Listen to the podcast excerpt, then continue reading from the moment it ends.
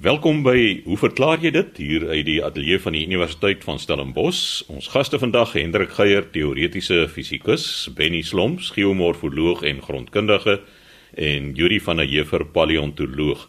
Yuri, die vraag wat jy ontvang het, kom van 'n luisteraar wat wil weet of vye hout giftig is. Chris, ja. 'n uh, Interessante vraag van Cornelius van Rooyen en hy identifiseer homself as Connie op Eyserfontein. En hy sê graag verneem my of my vye boom wat ek drasties gesnoei het se hout geskik is vir my braaivleisvuur aangesien ek al voorheen gehoor het dat hout met 'n melksap giftig is. Kan dit wees dat die sap giftig is hoewel die vrug eetbaar is? Nou ja, die vye boom het natuurlik melksap en dit staan ook bekend as melkrubber of latex van die Engelse latex seker. Maar kon nie daar's baie plante wat hierdie melksap of melkrubber het en uh, die verklaring is gewoonlik dat dit giftig is vir insekte. So dis 'n beskermende funksie vir wanneer vye nou nog groen is. Ons het baie ander voorbeelde van uh, plante met melksap. Byvoorbeeld by ons baie bekend is die naboom Euphorbia ingens en ook Euphorbia tirucali wat die kraalnaboom is. En dit is bekend in die inheemse omgewing dat die melksap giftig is en mense moet natuurlik bysê dis 'n maklike manier om Euphorbias, die familie Euphorbia uit te ken van byvoorbeeld kaktusplante soos uh, turksvye en die want uh, Euphorbia kan baie keer naby lyk aan 'n kaktus. Nou kaktusse het 'n helder sap as jy 'n skeurtjie maak in die oppervlakte dan kom daar 'n helder sap uit. Dan weet jy jy het met 'n kaktus te doen.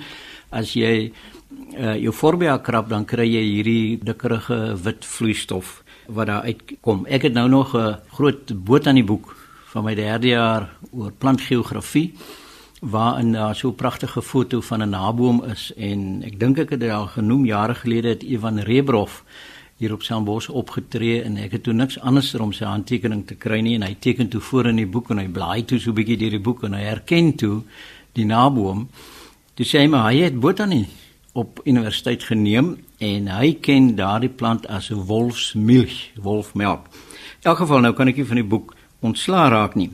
In die inheemse kultuur word erken dat hierdie melksap giftig is van die eh, kraalnaboom en die naboom. Dit word gebruik as 'n teenmiddel vir insekbyte, dit word gebruik vir visgif, dit word aangewend vir slangbyt, maar dit word ook in kos gebruik sodat uh, met verhitting dan uh, denatureer die giftige elemente waarskynlik. En uh, dan word dit ook gebruik as 'n kuur vir impotensie blykbaar nou ek dink nie dis nodig dat luisteraars nou gaan nabome aanplant nie want daar is ander maniere om die probleem aan te spreek. Nou van ons ouer luisteraars sal seker onthou daar was jare gelede 'n poging om van die melksap te gebruik om rubber te vervaardig.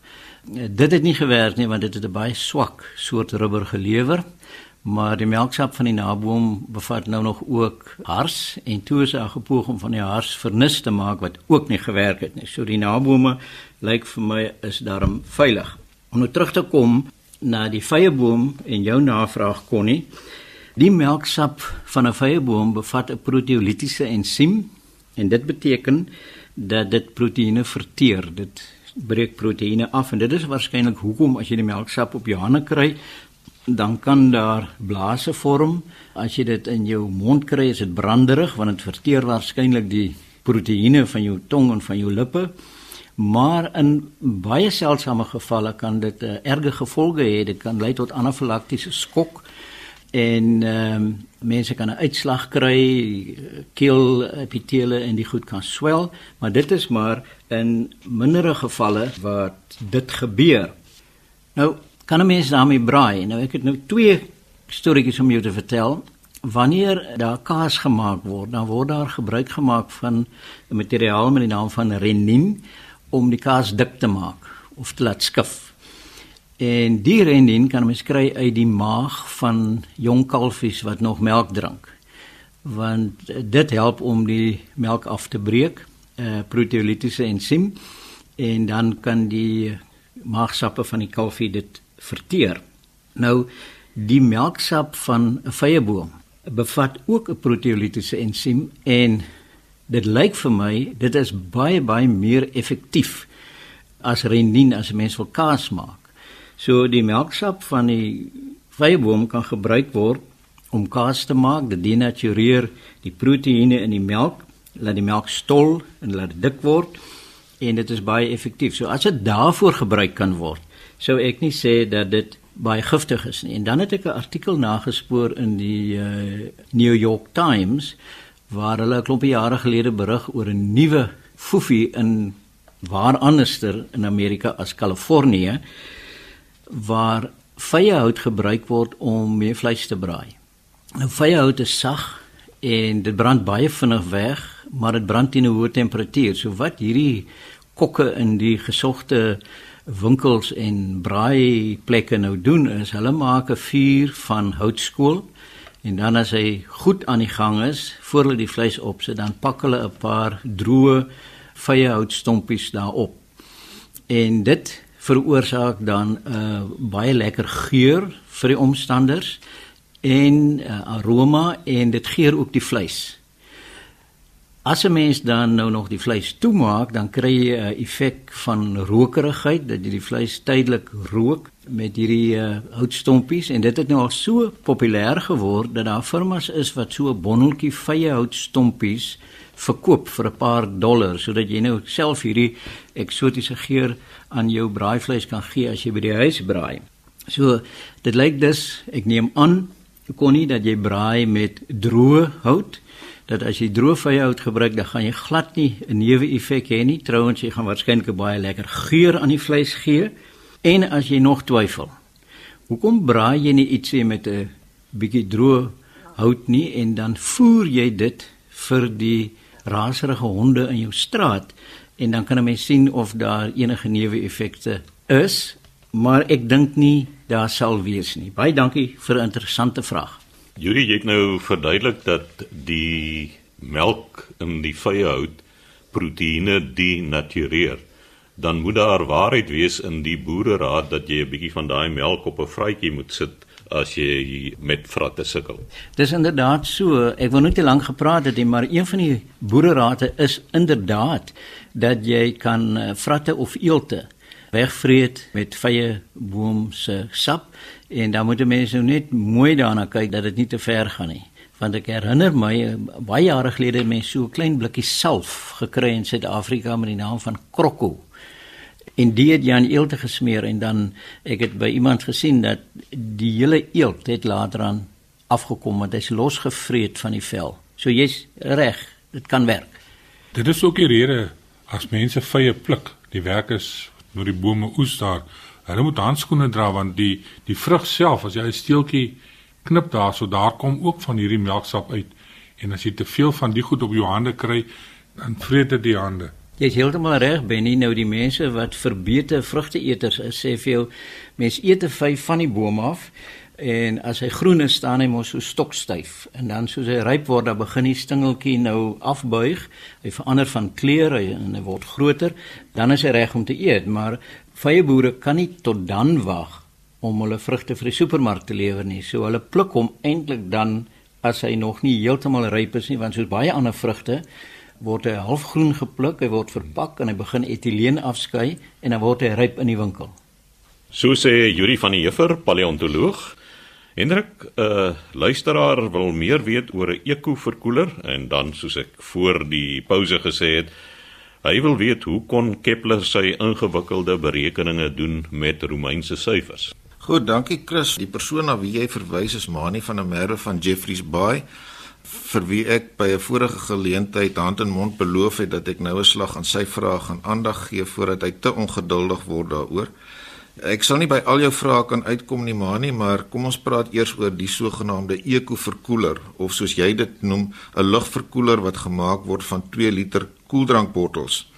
Nou Mani se blootstelling aan hierdie konstruksie was op YouTube waar hy gesien het dat 'n vindingryke Bangladeshi met hierdie gedagte na vore gekom het en ek lees nou maar hier letterlik uit Mani se epos Chris om te verduidelik waaroor dit gaan. Hy sê plastiek bottels van die tipe waarin 2 liter koeldrank verkoop word, se bome word afgesny en dan word hierdie bottels in 'n matriks in 'n plank gemonteer sodat al die bekke na dieselfde kant toe wys. Die plank word dan in 'n venster geplaas. Nou sê Mani hier sodat die groot oop kante want hierdie afgesnyde bottels het nou min of meer so 'n trechter vorm. Hy sê dat die groot oopkante na binne wys. Ek dink dit is eintlik na buite soos ek die saak nagegaan het, maar nie.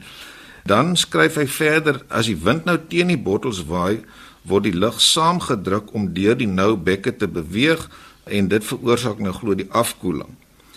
Nou heel aan die einde sê Mani, volgens my bietjie kennis van die wette van die termodinamika kan die koeldrankbottels nie werk nie, maar tog maak hulle 'n aanspraak op 'n verkoeling van tot 5 grade Celsius. Hoe verklaar mens dit? Nou, Christ, ek het die saak so 'n bietjie nagegaan en dit is nogal interessant dat daar 'n sweterjoel van hierdie verwysings na hierdie sogenaamde eco-verkoeler op die internet is wat hulle gemeenskaplik het is dat hulle almal min of meer letterlik presies dieselfde sê en presies dieselfde oorspronklike aansprake herhaal. En as 'n mens nou nagaan hoe hierdie funksionering beskryf word of wat die aanspraak is oor hoekom dit sogenaamd werk, dan sien jy dat daar reg aan die begin al 'n mistasting is eh, soos wat uh, Mani vermoed het want wat vir jou voorgehou word is dat as die wind nou deur die bek, die groter bek van die afgesnyde deel deur die nouer bek geforseer word dan staan daar dit word saamgepers en dit veroorsaak die afkoeling. Nou dit is presies nie wat gebeur nie want lug wat saamgepers word en Mani verwys hierna ook as die sogenaamde fietspomp effek saamgeperste lug word warmer, dit word nie kouer nie. Nou wat die saak nou verder verwarrend maak is dat by die oorspronklike aanbieding van die beskrywing van hierdie toestel word diegene wat nou belangstel genooi om uit te vind hoe hierdie kontrepsie werk deur te sê blaas met jou mond oop op jou handpalm of aan die agterkant van jou hand. As jou mond oop is en jy blaas dan voel jy 'n redelike warm stroom lug aan die ander kant as jy jou mond tuit en dan blaas dan voel jy kouer lug En dit word nou as die ewe knie van die funksionering van hierdie sogenaamde eco-koeler voorgehou. Nou die demonstrasie het absoluut niks te maak met wat gebeur wanneer wind eenvoudig deur so 'n bottelbek sou waai nie, want wat gebeur in die geval van wanneer jy jou asem uitblaas, as jy met 'n groot oop mond blaas, natuurlik as jou liggaamstemperatuur hoër as die omliggende temperatuur, so wat jy daar voel is bloot die warm lug wat uit jou longe uitkom. As jy met 'n tuitmond blaas, dan is die lugspoed van die lugstroom 'n bietjie hoër. Dit klits van die lug aan die buitekant in daai stroom in en wat jy op jou hand voel is eintlik 'n mengsel van jou asem en die omliggende lug tot 'n baie groter mate as wanneer jy met 'n oop mond blaas. So die temperatuur van daai lugstroom is nog steeds hoër as die omliggende lug want dit is 'n mengsel van asem en lug wat ingeklits word, maar natuurlik ervaar jy dit as afkoeling soos ons wel weet as enige 'n luggie oor jou oor jou vel trek dan as gevolg van verdamping ervaar jy dit as afkoeling. So die twee goed het uiteindelik met mekaar niks te maak nie. So, waar kom hierdie aanspraak vandaan? Ek kom nou nou weer terug daarby, maar kom ons gesels net 'n bietjie oor van die fisika wat dalk hier betrokke is. Vir 'n afgeslote gas is dit so dat die kombinasie druk maal volume gedeel deur die temperatuur bly konstant. So byvoorbeeld as 'n mens 'n spuitkannetjie het en jy laat van wat ook al onder druk binne in die spuitkannetjie is, uitspuit, dan is dit so dat die druk binne in die kannetjie afneem en vir die kombinasie PV op T want die volume is konstant as P afneem moet T natuurlik ook afneem om konstant te bly. So en dit voel jy letterlik as jy 'n spuitkannetjie in jou hand het. As jy spuit, dan voel jy hoe word die ding koeler of kouer. En die teenoorgestelde is die sogenaamde fietspomp effek. As jy 'n fietspomp voortoedruk by 'n konstante volume, as jy die druk verhoog, dan word die lug warmer. Nou, hierdie verskynsel is die basiese verskynsels wat ingespan word om 'n yskas te laat werk. By 'n yskas het 'n mens natuurlik twee spesifieke elemente in die konstruksie, die sogenaamde uitsitklep. Dit is waar die verkoelingsvloeistof wat by tye 'n gas is, soos wanneer dit deur die yskas self beweeg, daardie uitsitklep het die effek dat wanneer lug of in hierdie geval nou die gas, die verkoelingsgas daardeur beweeg en toegelaat word om uit te sit, dan koel dit af. Daardie verkoelde gas kom in aanraking met die binnekant van die yskas.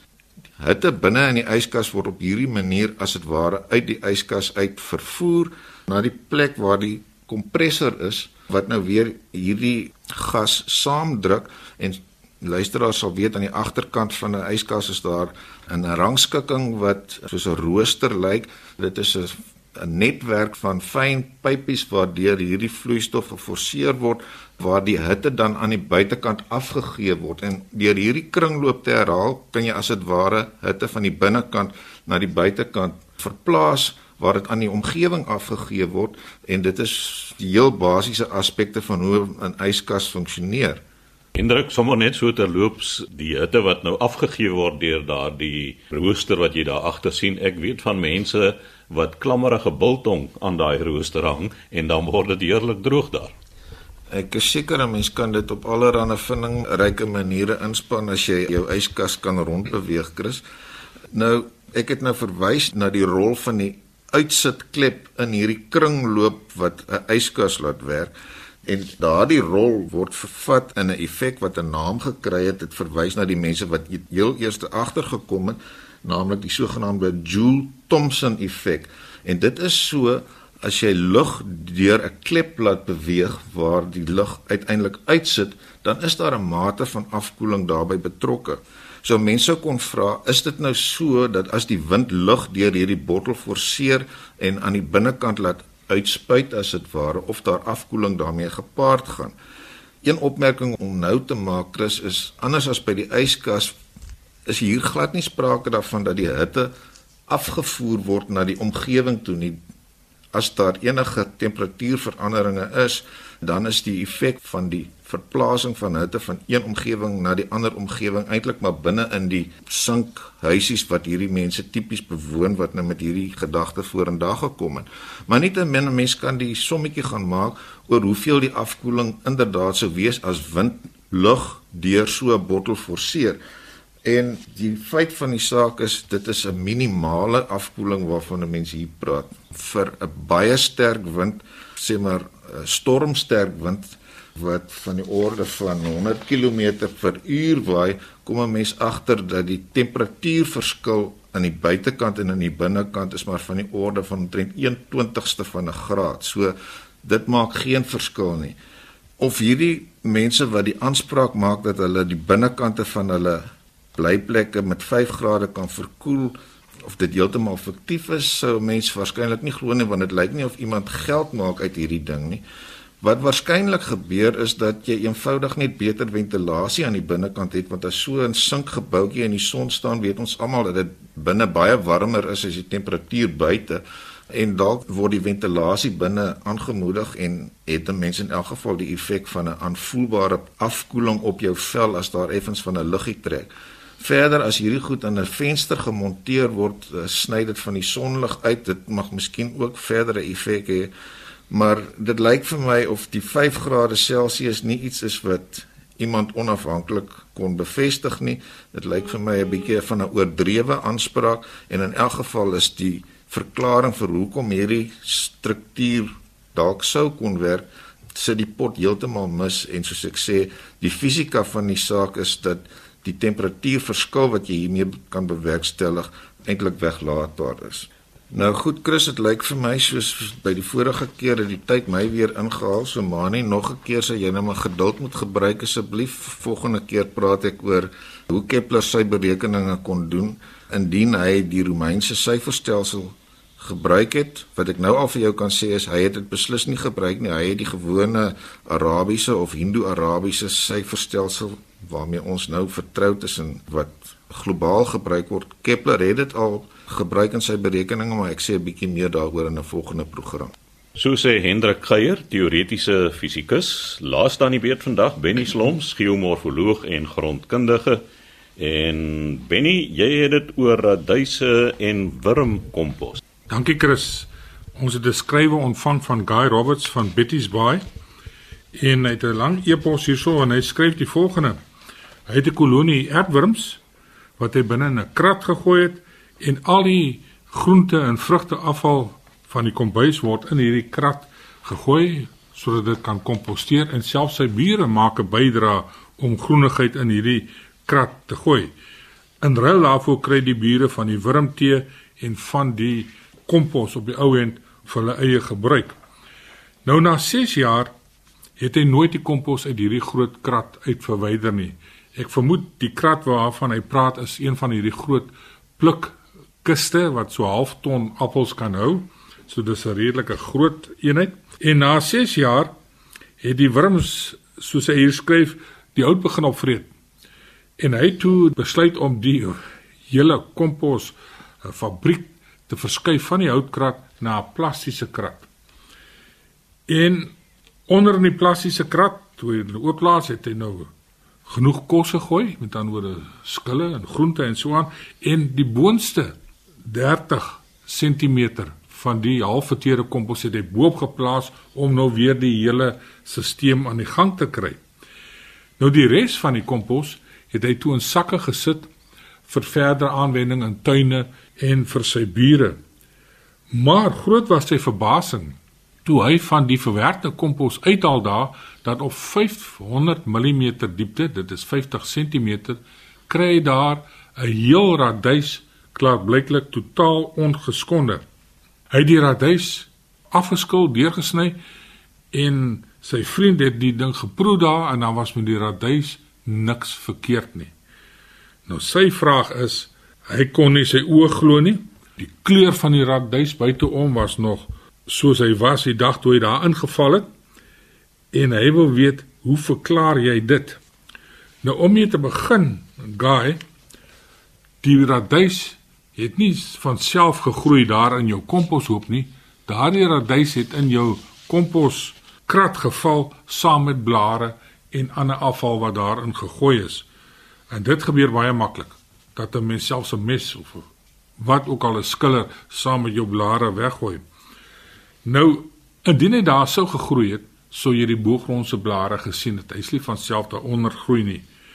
Nou hoekom die radys behoue gebly het sonder om te verrot, is natuurlik moeiliker om te verklaar. Ons weet dat binne in die kompos is dit donker. Dit is goed gedreineerd want hierdie krat van jou is oop aan die onderkant. Die toestand in die kompos self het 'n lae pH vanweë die organiese sure wat gevorm word.